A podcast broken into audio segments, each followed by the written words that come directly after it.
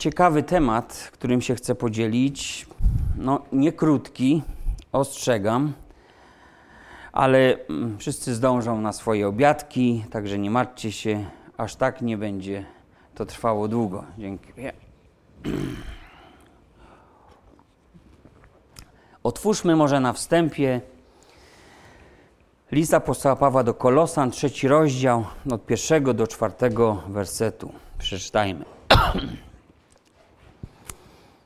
A tak, jeśliście wzbudzeni z Chrystusem, tego co w górze szukajcie, gdzie siedzi Chrystus po prawicy Bożej, o tym co w górze myślcie, nie o tym co na ziemi. Umarliście bowiem, a życie wasze jest ukryte wraz z Chrystusem w Bogu. Gdy się Chrystus, który jest życiem naszym, okaże, wtedy się i wy okażecie razem z Nim w chwale. Upraszczając przesłanie tego fragmentu, apostoł mówi tutaj, Szukajcie tego, co w górze, rozmyślajcie o tym, co w górze, tam, gdzie jest Chrystus. Tutaj na dole wasze potrzeby, wasze życie jest zachowane, zabezpieczone w Chrystusie. A więc nie ma co nadmiernie o to się troskać, tak jak robią to poganie. Wie Ojciec Wasz Niebieski, czego potrzebujecie, zanim Go nawet poprosicie. O tym mówił Pan Jezus. A gdy ukaże się powracający Chrystus, wtedy zostaniecie zabrani do miejsca, do miejsca Jego chwały. O tym będziemy dzisiaj mówili. Okaże się, że obietnica pozostawiona Kościołowi, nam, wszystkim, którzy umarliśmy dla grzechu, aby żyć dla Chrystusa, okaże się, że ona jest prawdziwa. Dzisiaj zatem chciałbym, abyśmy podnieśli, jak ten tekst mówi, nasze głowy wzwyż a właściwie pomyśleli o tym, który odszedł, siedzi po prawicy Ojca, tam w górze, abyśmy pomyśleli o nim, bo on powiedział, że powróci. Kiedy opuszczał ten świat i gdy tak patrzyli uważnie uczniowie na niego, a on oddalał się ku niebu, Oto dwaj mężowie w białych szatach stanęli przy nich i rzekli: Mężowie galilejscy, czemu stoicie patrząc w niebo? Ten Jezus, który od was został wzięty w górę do nieba, tak przyjdzie, jak go widzieliście idącego do nieba. Dzieje, pierwszy rozdział, 10, 11 werset. Oto jest chwila pożegnania, uchwycony przez autora moment rozłąki uczniów z Panem Jezusem. To jest ta chwila, w której obawiali się uczniowie, nie byli pewni, co też to oznacza. Wydaje się, że nie mogło być nic gorszego niż odejście mistrza, dla którego zostawili wszystko. Ale jednak zobaczcie, to jest nasz ludzki punkt widzenia. On sam do nich powiedział wcześniej, jest to Ewangeliana 16, rozdział 7, werset. Mówi, lepiej dla was, żebym ja odszedł, bo jeśli nie odejdę, pocieszyciel do was nie przyjdzie. Jeśli zaś odejdę, poślę go do was. I zobaczcie, jak często jest tak, że to, co lepsze wydaje się nam, wcale lepszym nie jest, patrząc z perspektywy nieba. Ta rozłąka była konieczna, aby przyszedł Duch Święty, który przygotuje wszystkich na spotkanie z Bogiem, przygotuje na czas powrotu Jezusa Chrystusa. W tymże rozdziale Ewangelii Jana Jezus powiedział jeszcze: Tylko krótki czas a nie ujrzycie mnie. I znowu krótki czas, a ujrzycie mnie, bo idę do Ojca. Frapowały uczniów te słowa. Nie byli pewni znaczenia. Nie rozumieli tego. I wówczas poznał Jezus, że chcą go zapytać. Tak prawdę mówiąc, jeśli zwrócilibyśmy uwagę na cały ten fragment 16 rozdziału Jana, to zobaczymy, że przede wszystkim interesowało ich to, w jakim czasie to się wszystko wydarzy. No oczywiście padło też pytanie o kierunek, o cel, o drogę. A to już w 14 rozdziale. Czy nie jest to także rozterka wielu z nas w dzisiejszych czasach? Zastanawiamy się nad chwilą, nad tym czasem przyjścia Jezusa Chrystusa. Wielu bada znaki, sprawdzamy newsy, staramy się odsiewać je od fejków, fake newsów, staramy się sprawdzać teksty, poszukujemy biblijnych wskazówek, przeglądamy kazania, te wiadomo z bardziej chwytliwymi tytułami. Czas jest dla nas tak ważny, wydaje się. Czy to już, czy to już blisko, Czy to naprawdę już miałoby się wszystko wydarzyć? Może ktoś nas obudzi z tego snu i wszystko wróci do normalności. Choć obecnie mówi się o nowej normalności. Jeśli normalnie, to nie po nowemu, a jeśli po nowemu, to już nienormalnie. Więc o co chodzi? Jezus więc mówi do swoich uczniów, 16 rozdział, 19 werset. Pytacie się nawzajem o to, co powiedziałem. Jeszcze tylko krótki czas, a nie ujrzycie mi i znowu krótki czas, a ujrzycie mnie. Zaprawdę, zaprawdę powiadam wam, wy płakać i narzekać będziecie, a świat się będzie weselił. Wy smutni będziecie, ale smutek wasz w radość się zamieni. Kobieta, gdy rodzi, smuci się, bo nadeszła jej godzina, lecz gdy porodzi dzieciątko, już nie pamięta o udręce gwoli radości, że się człowiek na świat urodził. I wy teraz się smucicie, lecz znowu ujrzę was i będzie się radowało serce wasze, a nikt nie odbierze wam radości waszej. A w owym dniu o nic mnie pytać nie będziecie. Cały ten tekst Jezus kończy słowami: Na świecie ucisk mieć będziecie, ale ufajcie, ja zwyciężyłem świat. A więc właściwie taki smutny i trudny czas zapowiedział Jezus swoim naśladowcom. Ale zobaczcie, wszystko dobrze się jednak kończy. Smutek w radość się obraca. I to taką, że już żadnego pytania uczniowie nie będą mieli. Tam wejdą bez bagażu, bez obciążeń, bez jakichkolwiek zagadek, bez obaw. I choć smutek był jakby niejako wpisany w życie uczniów, oni sami, pewnie zwróciliście na to uwagę, oni sami nauczali, aby nie poddawać się smutkowi. Zawsze się radujcie, nauczał apostoł Paweł. Zawsze powtarzam wam, radujcie się. A więc mamy być we wszelkim ucisku, we wszelkich trudnościach cierpliwi i radośni. Owszem, może nie znajdziemy w samym fakcie bycia uciskanym powodów do radości, ale jednak zaczęliśmy tak dzisiejsze kazanie. Mamy patrzeć w górę, skąd też Zbawiciela oczekujemy. Mamy myśleć o tym, co w górze. I może właśnie wtedy przychodzi radość, nadzieja, pocieszenie i pokój do serc naszych i wypiera to wszelką rozterkę i obawę z naszego serca. Ileż to razy mówiłem w ostatnim półroczu, mniej mainstreamowej telewizji, a więcej Słowa Bożego Biblii. Pójdźmy dalej. Pierwszy Tesaloniczan, czwarty rozdział. Piękna obietnica. A nie chcemy, bracia, abyście byli w niepewności co do tych, którzy zasnęli, abyście się nie smucili jak drudzy, którzy nie mają nadziei.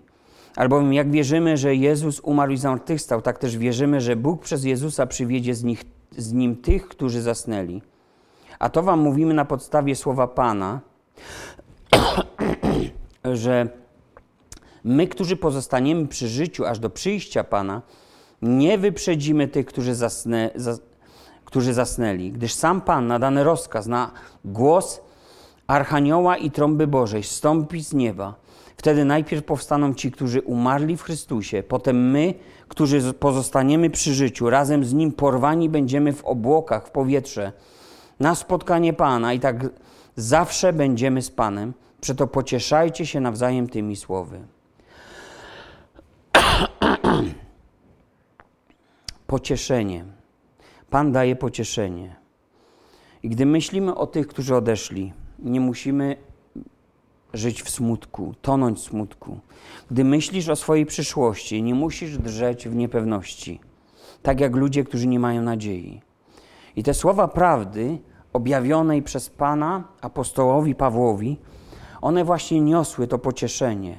Może w chwilach smutku, trudnych, może pośród wielu różnych obaw, na temat tego, jak będzie wyglądało nasze życie później. Umarli w Chrystusie, powstaną do życia w Chrystusie, a wszyscy żyjący, którzy doczekają Jego przyjścia, razem z Nim porwani będziemy w obłoki i w powietrze na spotkanie z Panem. I jedni nie wyprzedzają tutaj drugich, razem. W innym tekście Paweł odsłania jeszcze bardziej rąbka tajemnicy i mówi o czymś, co również wydarzy się w tym samym momencie. Jest to 1 Koryntian 15, rozdział 51, werset. Oto tajemnicę wam objawiam, nie wszyscy zaśniemy, ale wszyscy będziemy przemienieni w jednej chwili, w okamgnieniu, na odgłos trąby ostatecznej, bo trąba zabrzmi i umarli wzbudzeni zostaną jako nieskażeni, a my zostaniemy przemienieni. A zatem zobaczcie, w tej jednej krótkiej chwili dojdzie do przemiany ludzkich ciał. Choć to, co skażone opuści ten grzeszny padł, to do jego obecności dotrze już to, co jest nieskażone. To się wydarzy w jednej chwili, w okamgnieniu, taki odcinek czasu tutaj mamy, i w trakcie pochwycenia, więc dojdzie do niezwykłej przemiany. On tych, którzy na niego oczekują, przemieni w sposób, w który sami nie byli w stanie tego zrobić. Choć jesteśmy powołani, spójrzmy, do uświęcenia, do upodabniania się do obrazu Syna Bożego, to wiemy, że to dotyczy naszych serc, naszego charakteru, naszej moralności, naszych celów, ambicji, może postawy wynikającej z tego też. Ale ci, którzy naprawdę oddali mu swoje życie, otrzymają w tym dniu, w tej chwili takie ciało, jakie miał Pan nasz po zmartwychwstaniu.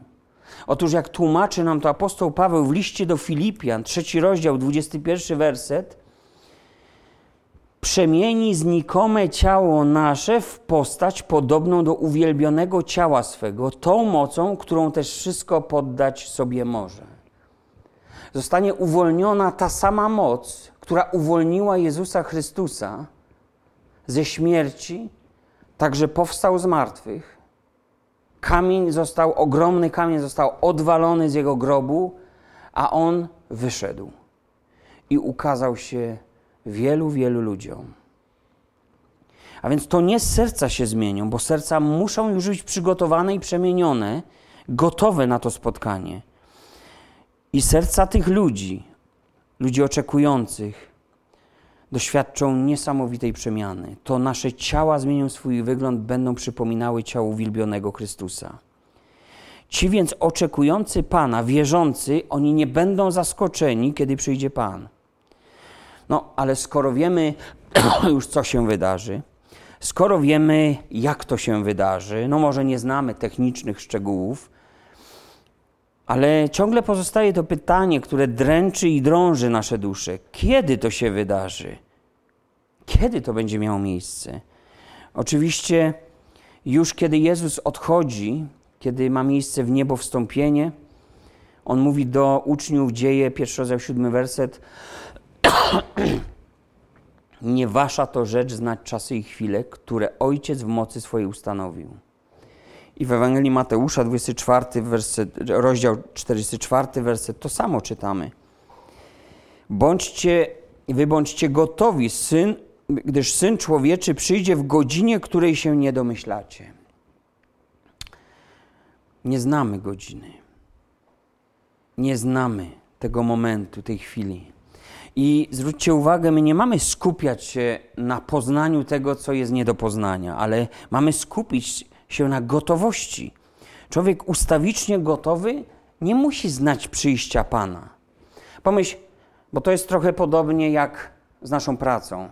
Jesteś w pracy, no więc pracujesz. I nie musisz obawiać się, że nagle gdzieś za roga, nagle gdzieś drzwi się otworzą i wejdzie twój szef i zastanie cię robiącego rzeczy zupełnie nieistotne, niepotrzebne.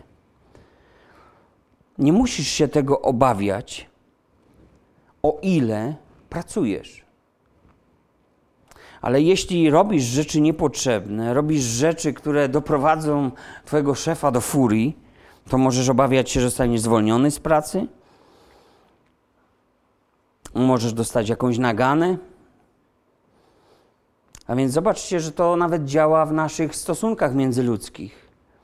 Że człowiek nie musi znać chwili nadejścia swego szefa, jeżeli robi to, do czego szef go tam powołał. I my również mamy skupiać się na gotowości, a nie na rozpoznawaniu, kiedy szef przyjdzie. Tak jakbyśmy robili coś niewłaściwego. Albo przynajmniej mieli zamiar jeszcze trochę. Owszem, Jezus pozostawił nam pewne wskazówki, aby w czasie, gdy ludzie nie będą mieli nadziei, gdy narody będą drzeć z powodu swej bezradności, abyśmy, wierzący, radowali się i oczekiwali Go. I wtedy będziemy wiedzieć, że Jego powrót nie jest wcale taki odległy. Ewangelia Mateusza, 24 rozdział, 32 werset i dalej. A od figowego drzewa uczcie się podobieństwa. Gdy gałąź jego już mięknie i wypuszcza liście, poznajecie, że blisko jest lato.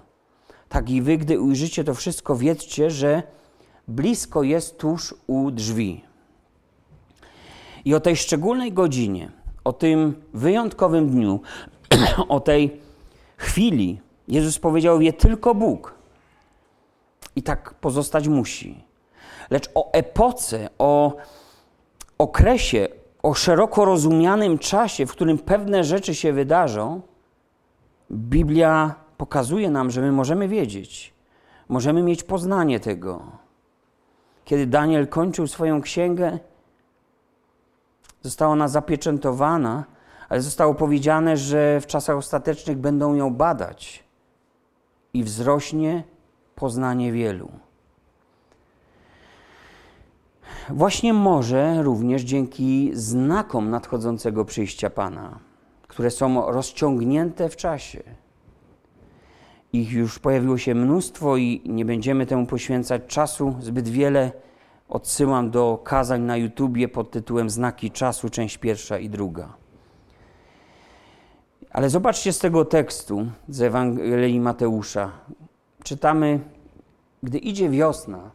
Zobacz, widzimy, że wkrótce przecież nadejdzie lato, że to jest naturalny cykl. Jest coraz bliżej. Cała budząca się do życia przyroda o tym daje znać. W naturze i w świecie również będzie sporo informacji świadczących o tym, że Pan jest blisko, że On wkrótce nadejdzie. I oczywiście ludzie badający te biblijne znaki od dawna zastanawiali się nad tym, czy pochwycenie Kościoła czy ta obietnica dana Kościołowi, ta tajemnica objawiona przez Pawła, czy, czy to się wydarzy przed wielkim uciskiem, takim strasznym siedmioletnim okresem, o którym mówi Biblia? Czy może to się stanie gdzieś w środku? Albo może na samym końcu? Kiedy czytamy właśnie w Biblii o wielkim ucisku, no to słusznie obawiamy się, bo wygląda na to, że jest to zagłada całej ludzkości. Ja to mówię tak po chłopsku, jakby sufit walił się na głowę całej ludzkości. I dzisiaj ja nie będę starał się toczyć jakiegoś sporu teologicznego, by, nie wiem, aby powiedzieć Wam dokładnie, kiedy przyjdzie Jezus Chrystus, ale będę chciał przedstawić Wam kilka tekstów, które jednak dają nam do myślenia i w kontekście jego przyjścia i pochwycenia Kościoła mówią wiele o tym.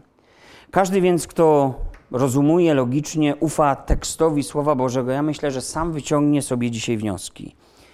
Więc zacznijmy od czegoś takiego. E, od czegoś, co wydaje się kluczowe dla dalszych rozważań. Księga Objawienia, 20 rozdział, 4 do 6 wersetu.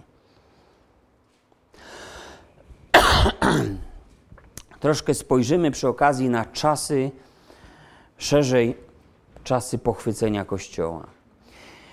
I widziałem trony, i usiedli na nich ci, którym dano prawo sądu. Widziałem też dusze tych, którzy zostali ścięci za to, że składali świadectwo o Jezusie i głosili Słowo Boże, oraz tych, którzy nie oddali pokłonu zwierzęciu ani posągowi Jego, ani nie przyjęli znamienia na czoło i na rękę swoją. Ci ożyli i panowali z Chrystusem przez tysiąc lat. Inni umarli, nie ożyli, aż się dopełniło tysiąc lat. To jest pierwsze zmartwychwstanie. Błogosławiony i święty ten, który ma udział w pierwszym zmartwychwstaniu. Nad nim druga śmierć nie ma mocy, lecz będą kapłanami Boga i Chrystusa i panować z nim będą przez tysiąc lat. Jak rozumieć te słowa i, i kogo one miałyby dotyczyć? Mamy tutaj tych, którym dano prawo sądu. I Biblia jasno przedstawia nam, że z Chrystusem zasiądziemy na tronie i będziemy panowali z Nim. Jest co najmniej kilka miejsc, które o tym mówią. Choćby do jednego z kościołów małazetyckich Jezus powiedział, że zasiądą na tronie i będą panowali. Ta druga grupa to ci, którzy zostali ścięci za to, że składali świadectwo o Jezusie i głosili Słowo Boże. I greckie słowo, bo w Grece był Nowy Testament i ta księga napisana pierwotnie, to greckie słowo pelekizo, mówiące tutaj o ścięciu, że zostali ścięci, ono nie nawiązuje do konkretnej metody egzekucji, bo co, mielibyśmy się cofać do średniowiecza? Nie, to było powszechnie używane słowo po prostu na określenie egzekucji w tamtym czasie. Egzekucji polegającej po prostu na odcięciu głowy. A więc ci ludzie stracili po prostu życie z powodu głoszenia słowa i dzielenia się świadectwem o Jezusie, i są to wszyscy męczennicy okresu wielkiego ucisku. Życie w tym czasie stracili również, i uwaga, w inny sposób, ci, którzy nie oddali pokłonu zwierzęciu ani posągowi jego i nie przyjęli znamienia na czoło i na rękę swoją. I przy tym warto tutaj zauważyć, że greckie słowo przetłumaczone jako posąg, czyli eikon, ono oznacza również obraz, wizerunek, odbicie lustrzane albo replikę. Coś, co w widzialny sposób w każdym razie reprezentuje albo wyraża jakąś niewidzialną rzeczywistość. My wiemy, co to może być, yy, szukając czegoś w historii Kościoła a może nawet w Biblii.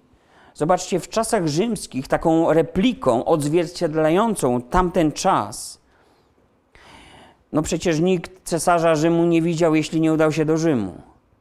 A jednak w całym cesarstwie rzymskim ta niewidzialna rzeczywistość panowania cesarza była widzialna w każdym miejscu tego cesarstwa. Taką repliką odzwierciedlającą tamten czas Mógł być na przykład denar z wizerunkiem cesarza, czy wiele budowli, posągów upamiętniających czy gloryfikujących cesarza. Ten wizerunek monety reprezentował rzeczywistość absolutnego panowania i okupacji rzymskiej. Denar przypominał każdemu posiadaczowi, że co cesarskie należy się cesarzowi. Oczywiście, że cesarz nie chciał pozostawiać niczego więcej, komukolwiek więcej. Jezus powiedział, a co Boże należy się Bogu. A wszystko, co posiada, tak naprawdę każdy śmiertelnik w Cesarstwie Rzymskim miał wiedzieć, że zawdzięcza temu wizerunkowi, że z łaski swojej tego cesarza ma choćby tą jedną monetę, ma życie i, i może funkcjonować. I oczywiście ten fragment o znamieniu i posągu wiemy, że nawiązuje do innego słynnego, który znajduje się w Księdze Objawienia w 13 rozdziale, a mówi on o działalności antychrysta, mającej na celu zniewolenie ludzkości. I on jest tym zwierzęciem, o którym tam czytamy. I wszyscy, którzy nie przyjęli znamienia i nie pokłonili się mu, zostali zabici. Dosłownie Greka mówi skazani na śmierć. Ale kiedy patrzymy na kontekst to kontekst wskazuje, jak się dobrze zastanowić, że to może być śmierć głodowa, w odróżnieniu do tej śmierci zadanej nagle przez egzekucję. Skąd o tym wiemy? Stąd, że ludzie, którzy przyjmują znamie, nie będą, e, że ludzie, którzy przyjm, przyjmą znamie, będą mogli kupować i sprzedawać. Bez tego znamienia nie będzie mógł istnieć jakikolwiek przepływ towarów czy usług. Ta rzeczywistość mówi nam o tym, że pod względem ekonomicznym, w ogóle funkcjonowania, pod względem potrzeb życiowych, pragnień ludzkich, wszystko zostanie podporządkowane antychrystowi. Będzie to czas permanentnej kontroli. I oczywiście wielu badaczy Biblii, albo nawet nie badaczy, albo nawet amatorów, zastanawia się nad symbolem znamienia 666. Te słynne trzy szóstki. Jest to liczba antychrysta, a zarazem odpowiada na liczbie człowieka. A więc być może jest tak, i to wskazuje na pewien fakt, że ludzie muszą stać się kompatybilni, zgodni, zjednoczeni, bo funkcjonujący w jednym systemie, w tym systemie antychrysta, w znaczeniu, jakie ukrywa ta liczba, muszą oni zjednoczyć się z antychrystem. Musimy pamiętać, że zapis trzema cyframi arabskimi, jak my to znamy, dla tej liczby nie istniał. Biblia mówi 600, potem 60, potem 6, a nie mówi 666. Badacze Biblii przyglądają się od lat różnym liczbom, między innymi tym, oraz ich ukrytym znaczeniom.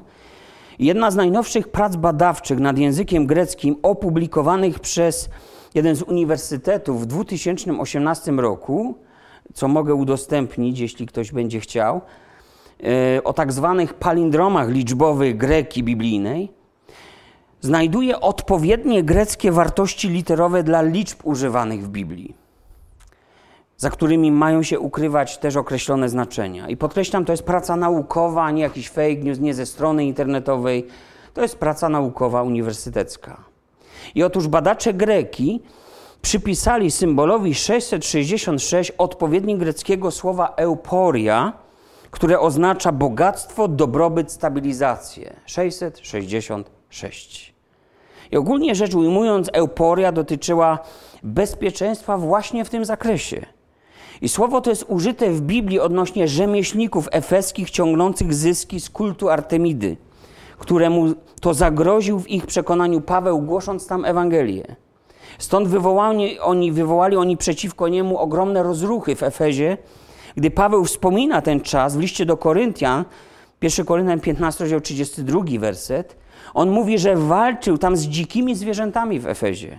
No zwierząt tam nie widzimy, tylko tych zdziczałych ludzi. Właśnie tak zachowują się ludzie, którzy za wszelką cenę chcą chronić swoją pozycję, wpływy i bogactwa. Stabilizacja, obfitość, dobrobyt są dla nich fundamentalnymi wartościami i z tego powodu są gotowi nie cofnąć się przed niczym. Gotowi są na wszystko. I ta obserwacja dotycząca liczby 666, jak my to chcemy widzieć w naszej epoce, oczywiście zgadza się jeszcze z kilkoma tekstami w Księdze Objawienia bo sporo tekstów mówi o charakterze tak zwanego Wielkiego Babilonu, który popadł w samo uwielbienie, w taki kult siebie. Już wiemy z jakiego powodu. Z całego świata ciągnął zyski, mówi Biblia, i cały świat zaczął handlować z nim. I jak mówi Słowo Boże, świat dał się omamić jego czarami. Jest to objawienie, 18 rozdział, 23 wers. Wielki Babilon to krótko mówiąc, jak się na to patrzy, pewien system ekonomiczno-gospodarczy prowadzący świat do przepychu, do bogactwa, do zażywania wszelkiego rodzaju rozkoszy. To jest taka upragniona stabilizacja życiowa wszystkich narodów. Koniec wojen, koniec niepokojów. Wszystko jest absolutnie bezpieczne, wszystko jest do wzięcia, wszystko jest dla nas. I gdy Biblia mówi o czarach tego wielkiego Babilonu, a więc o tym, w jaki sposób on te narody uwiódł, to w języku greckim pada na określenie tych czarów słowo farmakeia, od którego pochodzi znane nam słowo polskie farmakologia. I oczywiście wnioski zostawiam każdemu i każdy sam sobie musi je wyciągać, obserwując czas ale tutaj chciałbym powstrzymać wyobraźnię co niektórych i powiedzieć jasno, że nie ma biblijnych dowodów na to, jakoby obecna szczepionka miała być znamieniem bestii, bez którego nie będzie można nic kupić i sprzedać. Natomiast tak jak o tym mówi Biblia, to powinno wzmagać czujność wszystkich ludzi, nie tylko wierzących, właśnie w tym obszarze.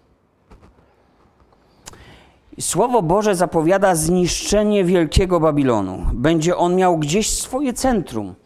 Będzie to może miasto na wzór jakiejś stolicy tego właśnie światowego systemu. I wszystkie narody będą przyglądały się jego upadkowi, o tym mówi ten 18 rozdział Księgi Objawienia.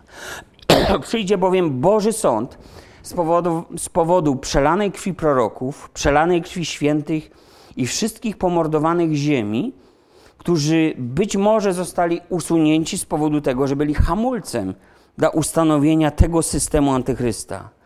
I przyjdzie z powodu również wielkiego wszeteczeństwa i rozpusty, o której mówi tam Biblia. Więc w tym systemie najwyraźniej znalazły również miejsce jako uprawniona filozofia życia narodów właśnie wszeteczeństwo i rozpusta. wszelkiego rodzaju hedonizm. I warte uwagi jest też to, że gdy wszyscy mieszkańcy świata przyjmują to znamię i kłaniają się wizerunkowi antychrysta, czymkolwiek on będzie, to nie ma wśród nich tych, których imię jest zapisane w Księdze Baranka. Mamy to w 13 rozdziale, w 8 wersecie Księgi Objawienia. Być może dlatego ich tam nie ma, że Kościoła już nie będzie w tym czasie.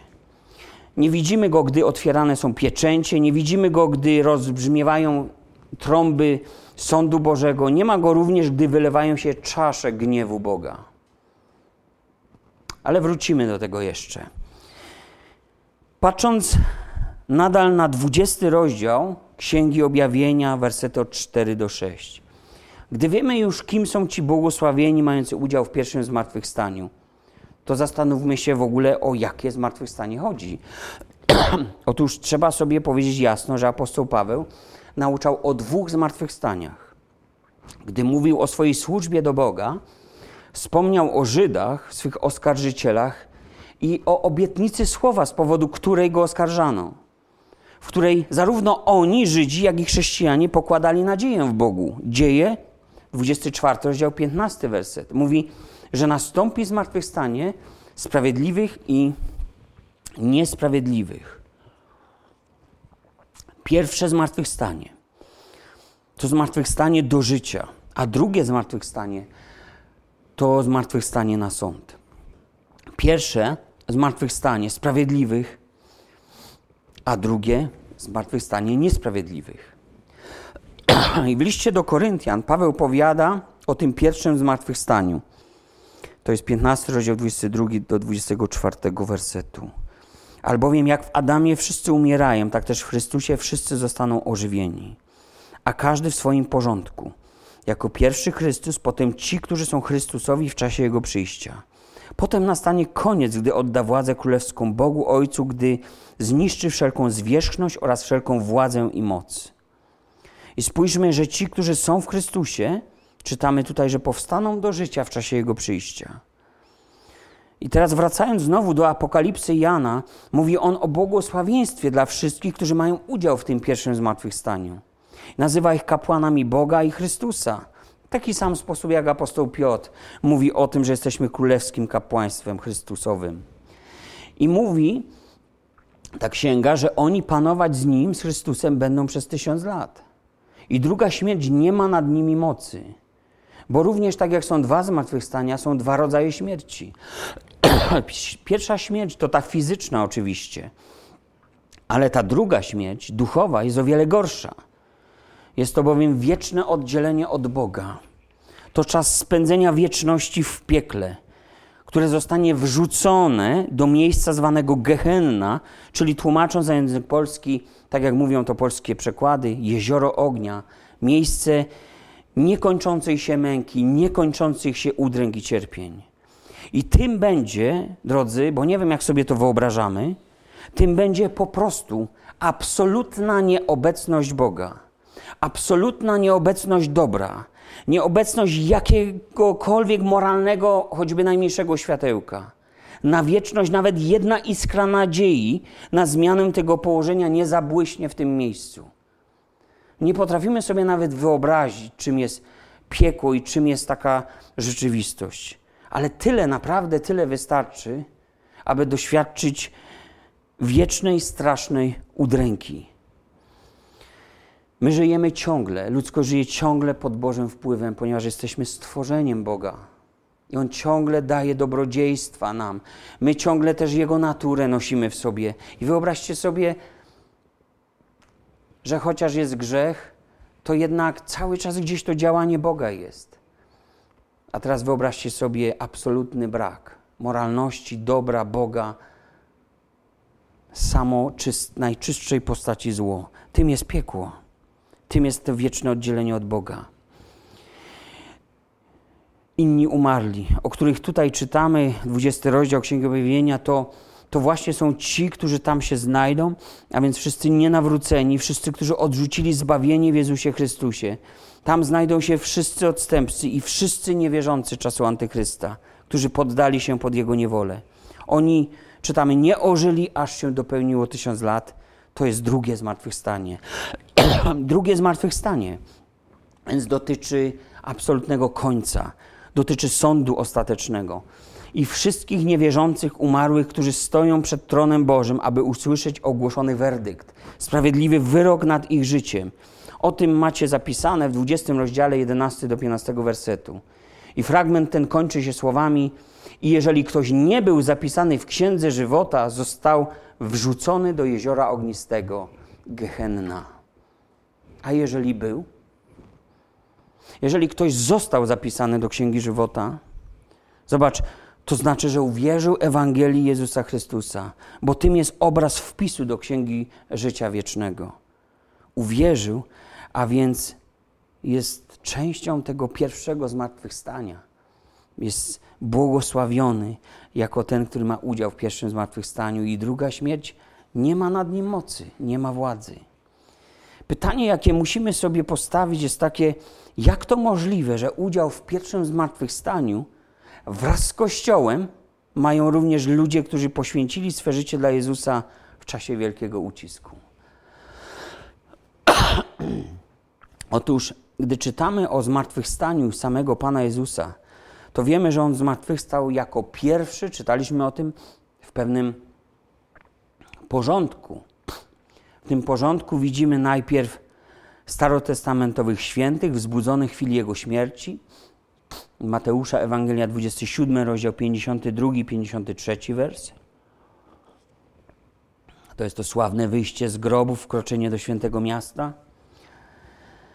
Potem mamy nowotestamentowych świętych, żywych i umarłych epoki Kościoła, którzy zostaną porwani na obłokach na spotkanie z Panem. 1 Tesaloniczan 4, 14 do 18. I potem już w czasie wielkiego ucisku widzimy kolejne zmartwychwstanie dwóch świadków, którzy składają Boże świadectwo, a których to zabija antychryst. Mamy to w Księdze Objawienia 11 rozdział, 11 i 12 werset. I na końcu ucisku pojawiają się właśnie ci wszyscy święci wielkiego ucisku. Ci, którzy nie pokłonili się, którzy oddali życie. I choć istnieją w tym momencie różne poglądy dotyczące pierwszego zmartwychwstania, w każdym z poglądów są pytania, które pozostają bez odpowiedzi. I musimy przyznać, że nasze poznanie jest no niestety cząstkowe. Jedni sprzeciwiają się dzieleniu zmartwychwstania na etapy, które tak czy siak widzimy w Biblii, a inni widzą w tym pewną prawidłowość. Ci, którzy się sprzeciwiają, są tej wiary, że przejdziemy przez wielki ucisk, przez najgorsze chwile, jakie tylko sobie można wyobrazić, choć nie potrafię wytłumaczyć, jak to jest, kiedy ludzkości wali się sufit na głowę, a jednak jedni przeżyć mają, a drudzy nie. A ci drudzy jednak dokonują pewnej pewnego śledztwa poszlakowego, szukając dalej w Biblii odpowiedzi, i wierzę, że to śledztwo pozwala nam wykluczyć pewne spekulacje i przynieść naprawdę sporo nadziei. I może tym na koniec się zajmijmy. Spróbujmy przyjrzeć się Biblii jeszcze w jednym miejscu, może w kilku, ale jedno z nich na początek. Drugi Tesaloniczan, drugi rozdział, pierwsze dwanaście wersetów.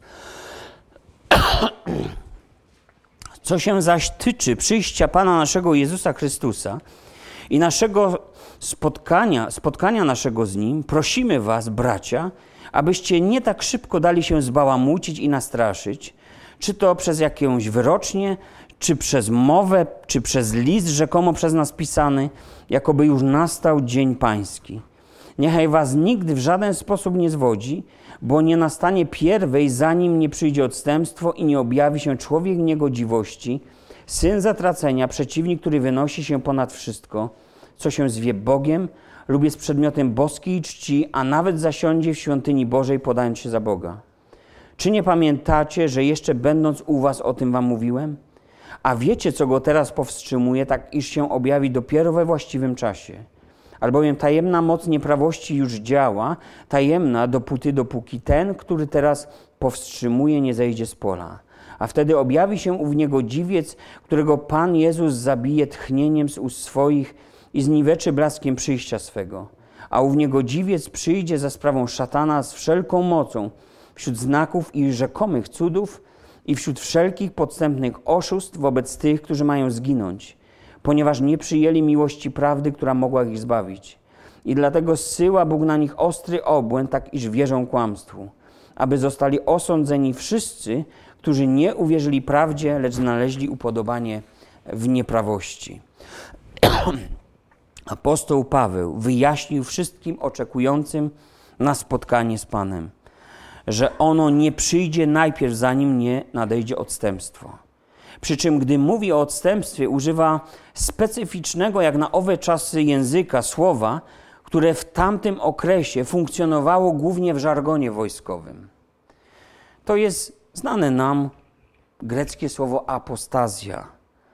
Oznaczało wtedy po prostu bunt polegający na porzuceniu poprzednio utrzymywanej pozycji przez jakiś oddział wojskowy. Oznaczało to również wypowiedzenie lojalności wyższych stopniem żołnierzy, na przykład jakaś kadra oficerska wydaje rozkaz, a oni w tył zwrot. Apostazja u Pawła stała się słowem tłumaczącym odstępstwo o znaczeniu religijnym. Ono również będzie polegało na odstąpieniu od zajmowanej pozycji. Dlatego jedna z ostatnich ksiąg listów Judy mówi, abyście podjęli walkę o wiarę raz na zawsze przekazaną świętym. A więc dojdzie do odstąpienia od tego wezwania. I będzie to cechowało również bunt przeciwko autorytetom, jakie Bóg powoływał Kościołowi. I oczywiście w tym momencie można by przytoczyć tekst Pawła z listu do Tymoteusza.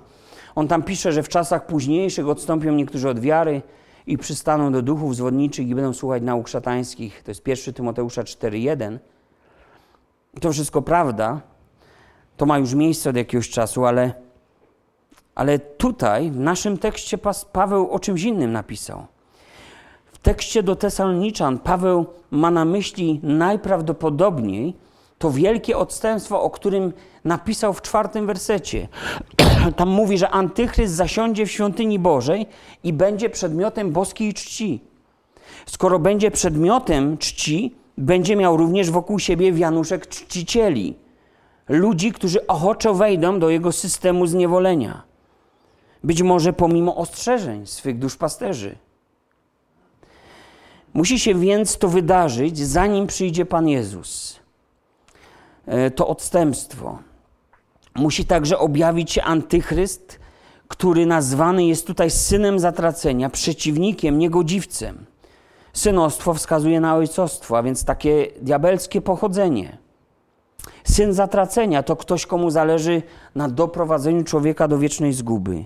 Przeciwnik to słowo greckie oznacza totalnego opozycjonistę bez jakiejkolwiek nawet chwili refleksji, który stoi w całkowitym sprzeciwie do fundamentalnych Bożych zasad. Niegodziwiec, tak jest nazwany. Określony został słowem greckim anomos, a wiemy, że nomos to jest prawo Boże.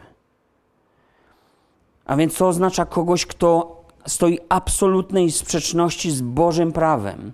Anomos to człowiek bezprawia, bez jakiejkolwiek moralności i choć stoi, zobaczcie, w całkowitej opozycji do Chrystusa, on jawi się ludziom jako wcielenie sprawiedliwości, orędownik pokoju, czy też gwarant bezpieczeństwa.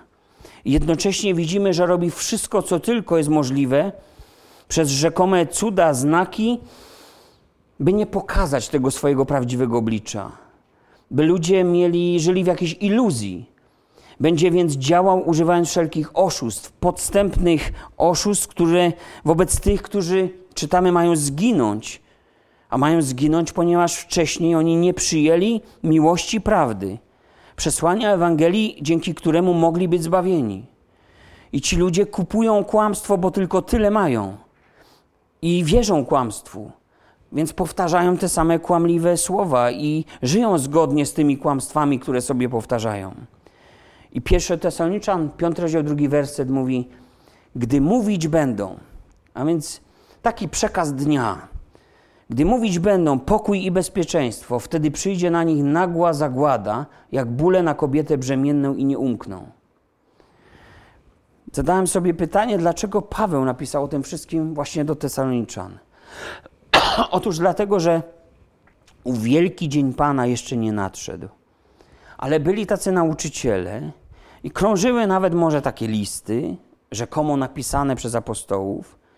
I tacy mówcy, którzy wprowadzali zamęt, siali zwątpienie, sugerując, że Tesaloniczanie przegapili swoje pochwycenie. Że teraz siedzą już, no nie powiem gdzie, ale w jakimś ciemnym miejscu i czeka ich jeszcze coś gorszego.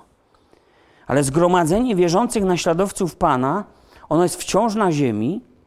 Antychryst jest więc wciąż powstrzymywany przez Kościół Jezusa, o którym sam Pan Jezus mówi, że bramy piekła go nie są w stanie przemóc.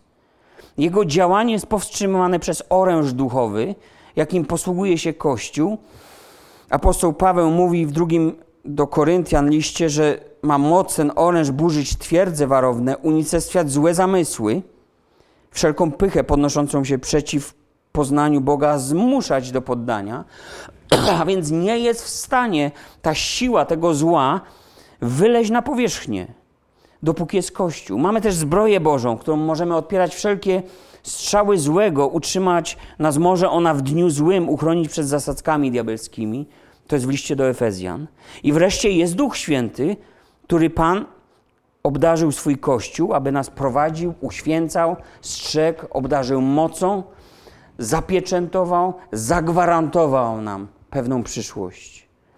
A gdy Duch Święty zejdzie z pola działania mocy Antychrysta, a tym polem jest arena świata, wówczas następuje pochwycenie Kościoła. I wszystkie poszlakowe dowody do tego nas zaprowadzą, gdybyśmy studiowali to jeszcze bardziej. I zwróćcie uwagę, co tam jest napisane. Kiedy on zejdzie z pola, ten, który powstrzymuje, czytamy, a wtedy, a wtedy, gdy to nastąpi, wówczas, gdy Kościół zostanie porwany na spotkanie z Panem, Antychryst objawi się z całą swoją mocą. Pokaże swoją prawdziwą twarz, ujawni swe prawdziwe oblicze.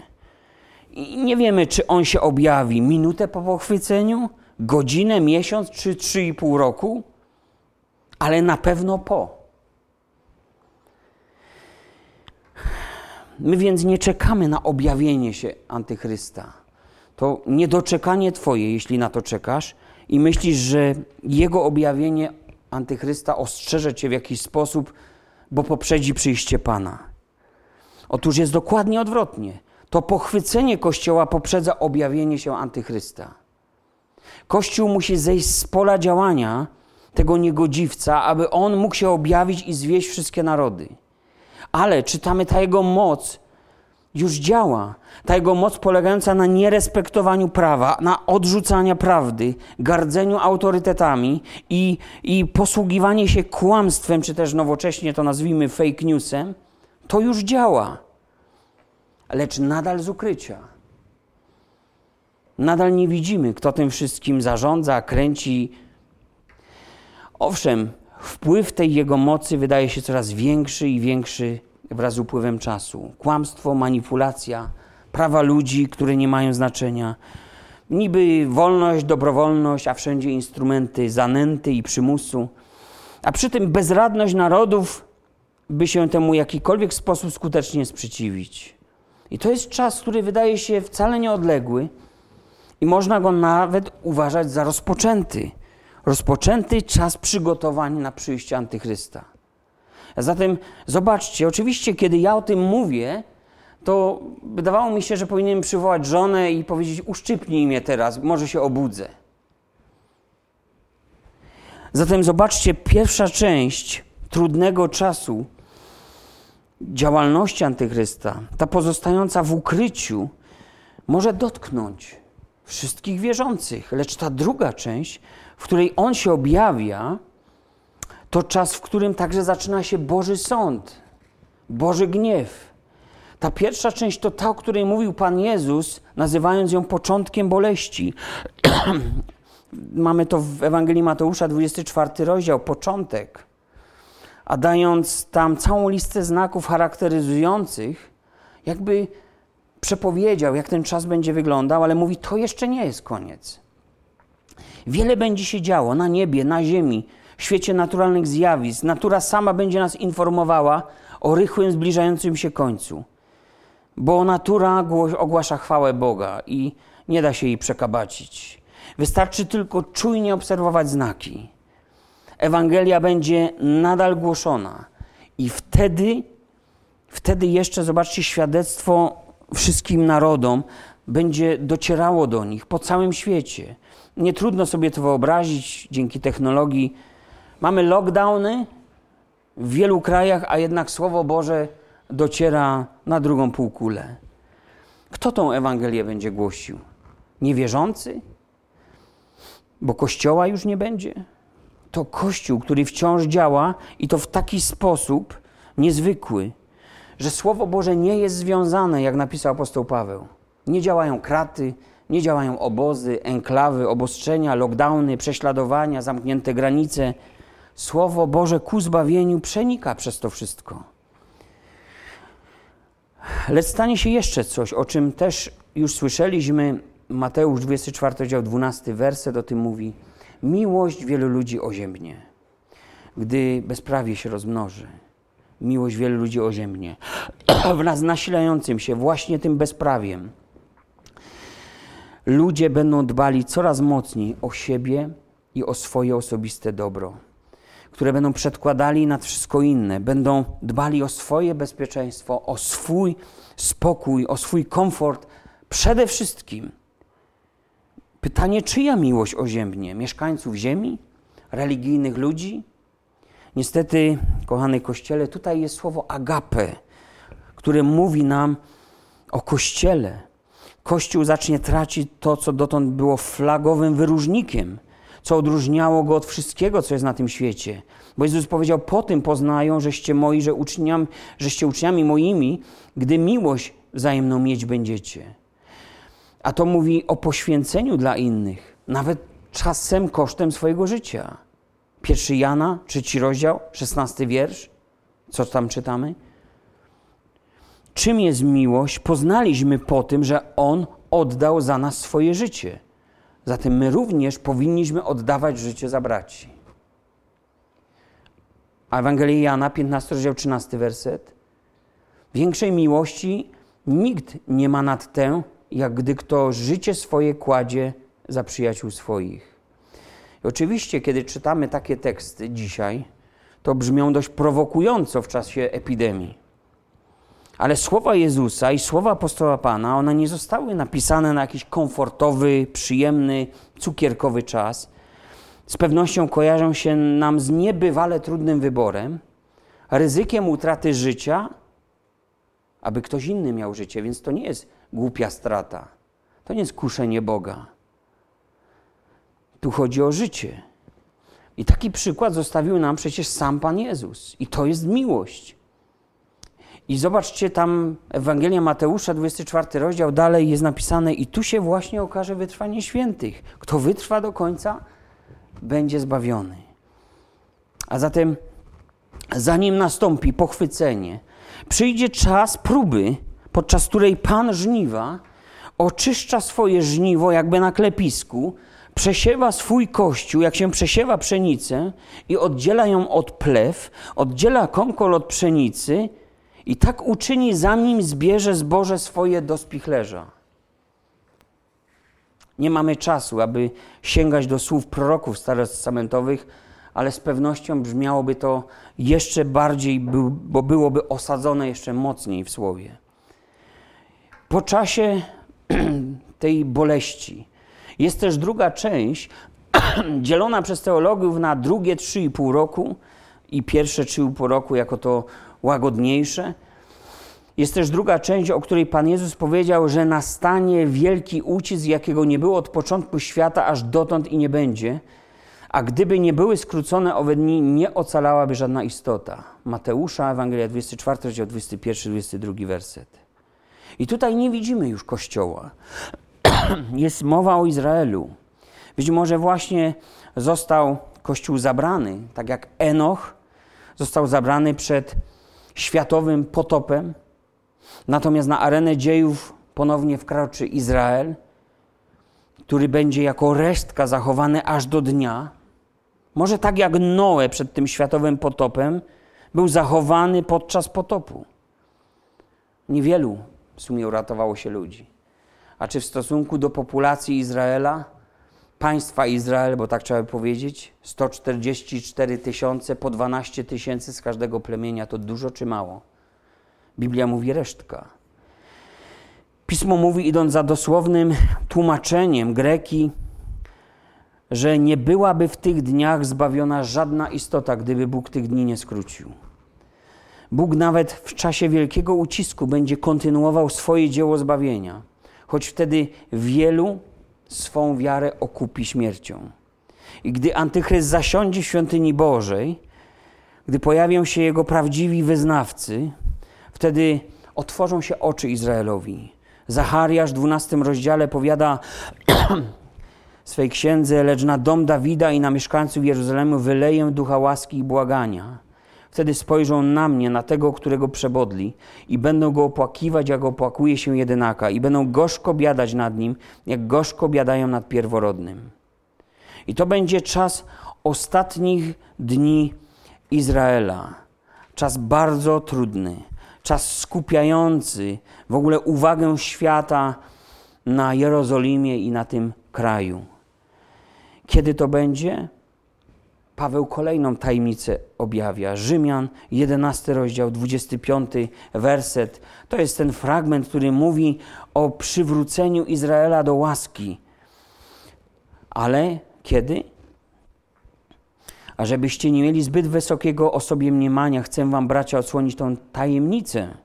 Zatwardziałość przyszła na część Izraela aż do czasu, gdy poganie w pełni wejdą. Aż do czasu gdy poganie w pełni wejdą. I Bóg zacznie wylewać swój srogi gniew, kiedy pogan już nie będzie. E, jak to możemy wyjaśnić? W bardzo prosty sposób. Pan Jezus przyszedł do swoich, lecz swoi go nie przyjęli. Ale w pewnym momencie zaczął mówić: Mam i inne owce to jest moja owczarnia, mam i inne owce, i będzie jeden pasterz, jedna owczarnia. I Pan Jezus już wtedy zapowiadał po, powołanie Kościoła Jezusa Chrystusa, do którego masowo wejdą poganie, co było nie do pomyślenia i niedopuszczalne dla żadnego, dla każdego pobożnego Żyda. A jednak, i przyjdzie czas, kiedy ten czas pogan, ratunku i zbawienia dla pogan, on się skończy. I wtedy zaczyna się ta druga część wielkiego ucisku, gdzie oczy wszystkich skupione są na Izraelu. Jeśli chodzi o Kościół, Kościół ma piękną obietnicę. Objawienie, trzeci rozdział, dziesiąty werset. Ponieważ zachowałeś nakaz mój, by przy mnie wytrwać, przeto i ja zachowam cię w godzinie próby, jaka przyjdzie na cały świat, by doświadczyć mieszkańców ziemi. I to jest przeznaczenie Kościoła, który w dniach mających się ku końcowi będzie miał niewielką moc, ale mocno będzie trzymał się słowa Pana. I ten Kościół będzie zachowany od tej godziny próby, bo Greka dosłownie mówi od tej godziny próby, a nie w tej godzinie próby. Od tego czasu gniewu. Pochwycenie Kościoła to jest pewna obietnica i wygląda na to, że zbliża się dość szybko jej wypełnienie. Tak jakby Boży zegar przyspieszył. Świat staje się na naszych oczach coraz bardziej dopasowany, kompatybilny do wydarzeń Księgi Objawienia, sprzyjający działaniom Antychrysta. My jednak nie mamy dać się zwieść ani zaskoczyć. Apostoł Paweł, pierwszy Tesaloniczan, piąty rozdział, jeszcze raz to przeczytam bez zbyt długiego komentarza, mówi, a o czasach i porach, bracia, nie ma potrzeby do was mówić. Sami bowiem dokładnie wiecie, iż dzień pański przyjdzie jak złodziej w nocy. Gdy mówić będą pokój i bezpieczeństwo, wtedy przyjdzie na nich nagła zagłada, jak bóle na kobietę brzemienną i nie umkną. Wy zaś, bracia, nie jesteście w ciemności, aby was dzień ten jak złodziej zaskoczył. Wy wszyscy bowiem synami światłości jesteście i synami dnia. Nie należymy do nocy ani do ciemności. Przeto nie śpijmy jak inni, lecz czuwajmy i bądźmy trzeźwi. Albowiem ci, którzy śpią, w nocy śpią, a ci, którzy się upijają, w nocy się upijają. My zaś, którzy należymy do dnia, bądźmy trzeźwi, przywdziawszy pancerz wiary i miłości oraz przyłbicę nadziei zbawienia. Gdyż Bóg nie przeznaczył nas na gniew, lecz na osiągnięcie zbawienia przez Pana naszego Jezusa Chrystusa. Widzimy tutaj, że Pismo mówi o niespodziewanym przyjściu Pana. Tak jak pochwycenie Kościoła będzie wydarzeniem zaskakującym cały świat, tak samo spadający później gniew Boży na świat będzie czymś nagłym, niespodziewanym, czymś, co rozbije tą całą iluzję. Zaskoczy to świat i będzie wielkim zwrotem akcji w historii świata. I nie wiemy, jak wyjaśni sobie to zniknięcie tak wielu ludzi po pochwyceniu Kościoła, jak świat sobie to wyjaśni. Antychryst jednak z pewnością, dzisiaj to widać wyraźnie, może używać mediów i wyjaśni to wszystko dość wiarygodnie. Kto wie, może świat zobaczy w, w telewizji ciężarówki z trumnami, stadiony narodowe z łóżkami pełne umarłych. I ludzie dowiedzą się, że oto kolejna epidemia zabiła tak wielu. Wszyscy bez wysiłku uwierzą kłamstwu, ciesząc się, że to oni właśnie są tymi, którzy pozostali przy życiu. A może wtedy pojawi się taka, wiecie, super szczepionka i super coś więcej. I w ilości fake newsów już nikt nie będzie mógł się rozeznać, co jest tu prawdziwe, co fałszywe. Być może zniknięcie tak wielu ludzi umożliwi przez e, bez przeszkód zaaplikowanie całej populacji znamienia Antychrysta. I wszyscy mali i wielcy, jak tam czytamy w Księdze Objawienia w 13 rozdziale, z ulgą, z ochotą przyjmą to swoje przeznaczenie, ufając i wierząc, że oto wkraczają do, do krainy pokoju i bezpieczeństwa. I tutaj niestety oczywiście można bardzo wiele spekulacji dokonać i tu się chcę zatrzymać, bo nie o tym Biblia mówi. Bo my jesteśmy tu i teraz. A Biblia tu i teraz wzywa nas, abyśmy nie przespali dnia swojego ratunku, przyjścia oblubieńca, abyśmy nie przegapili tego momentu, jak tych pięć głupich panien z przypowieści Jezusa. To był najważniejszy moment w ich życiu, a one to przegapiły. Więc Biblia mówi: nie śpijmy jak inni, czuwajmy, bądźmy trzeźwi. Obserwujcie, co się dzieje na niebie, na ziemi, w społeczeństwach, w środowiskach władzy. Miejmy oczy otwarte i żyjmy wiarą i miłością, a nasz umysł może być chroniony pewnością zbawienia, obiecanego tym, którzy go przyjęli i oddali mu swoje życie. I myślę tak, że dni przyszłe, nie wiem jak dalekce przyszłe, może bardzo bliskie, może trochę odleglejsze, będą dniami ataku na wiarę. Niekoniecznie w taki sposób, że ktoś z pochodniami i z patykami przyjdzie pod kościół, czy z transparentami. Atak na wiarę, atak na miłość. Postaw na siebie swoje potrzeby. Atak na obietnicę zbawienia. Nie miejmy co do tego złudzeń. To tak będzie wyglądało. To będzie atak na nasze umysły, a niekoniecznie na nasze ciała. Tu nikt nikogo nie będzie ganiał po mieście. Wiedzcie przed, przede wszystkim to, że w dniach ostatecznych przyjdą szydercy z drwinami, którzy będą postępować według własnych porządliwości i mówić, gdzież jest przyobiecane przyjście Jego. Drugi Piotra, trzeci rozdział, trzeci, czwarty werset. I naprawdę już kończąc, bo mija w tym momencie godzina, chciałbym przytoczyć jeszcze jeden fragment. To są słowa Pana Jezusa. mówi: A gdy się to zacznie dziać, wyprostujcie się i podnieście głowy swoje, gdyż zbliża się odkupienie wasze. I powiedział im podobieństwo: Spójrzcie na drzewo figowe i na wszystkie drzewa. Gdy widzicie, że już puszczają pąki, sami poznajecie, iż lato już blisko. Tak i wy, gdy ujrzycie, że to się dzieje, wiedzcie, że blisko jest Królestwo Boże. Ewangelia Łukasza, 21 rozdział, 28, 31 werset a gdy to się zacznie dziać. Czujecie to? Wy się wtedy wyprostujcie i wy wtedy podnieście głowy swoje. Jezus tutaj nie powiedział, uwaga, posłuchajcie, no przecież my chrześcijanie jesteśmy roztropni.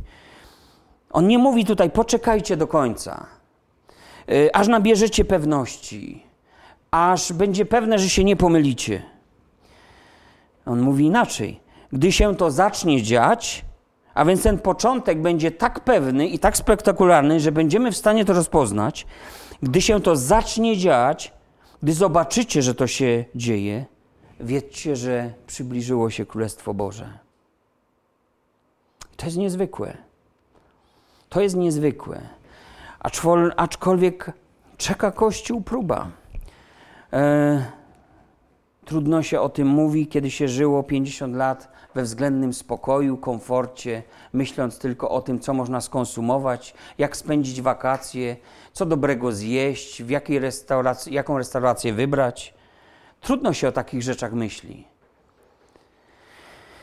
Ale tym bardziej powinniśmy ze snu się obudzić, jeśli jeszcze ktoś śpi.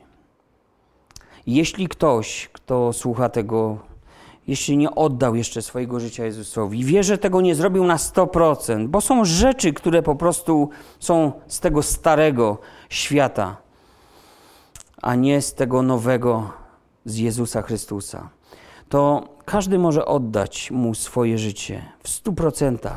Może to uczynić w każdym momencie, dzisiaj, w każdej chwili, bo, bo Biblia mówi, a póki co jeszcze tak jest, że to jest czas łaski, to jest czas zbawienia, to jest czas tego Bożego ratunku i to jest powinność Kościoła. Paląca odpowiedzialność, powinność Kościoła. Głosić Ewangelię na cały świat, wszelkiemu stworzeniu. Jeszcze raz na nowo. Żonie, mężowi, dzieciom, dziadkom, w pracy, w szkole, na ulicy, gdziekolwiek. Nie chodzi o to, żeby kogoś teraz napaść i trzaskać go Słowem Bożym, żeby się nawrócił grzesznik jeden. Nie, ale Duch Święty jest z nami, z Kościołem, aby oznajmiać prawdę Ewangelii. Jeśli nasze serca będą na to wrażliwe, jeśli ta odpowiedzialność będzie absolutnie częścią mojego życia, to Bóg da mi sporo miejsc, momentów, okazji do tego, abym to robił. I to jest powinność Kościoła. Trwać, czuwać, bądź być trzeźwym i zwiastować Ewangelię Boga. No i uwielbiać Go, bo to cała wieczność, jak zaczynać w nabożeństwo, całą wieczność będziemy robić to bez spania, bez odpoczynku i nie będzie się nam nudziło, wyobraźcie sobie. Nie wiem, czy taki śpiewnik długi będzie, że się nie będzie kończył jak cała wieczność, ale nikomu się to nie znudzi, bo to jest pragnienie serc naszych i to jest perspektywa i to jest prawdziwa przyszłość Kościoła. Niech Pan Bóg pobłogosławi swoje słowo w naszych sercach. Amen.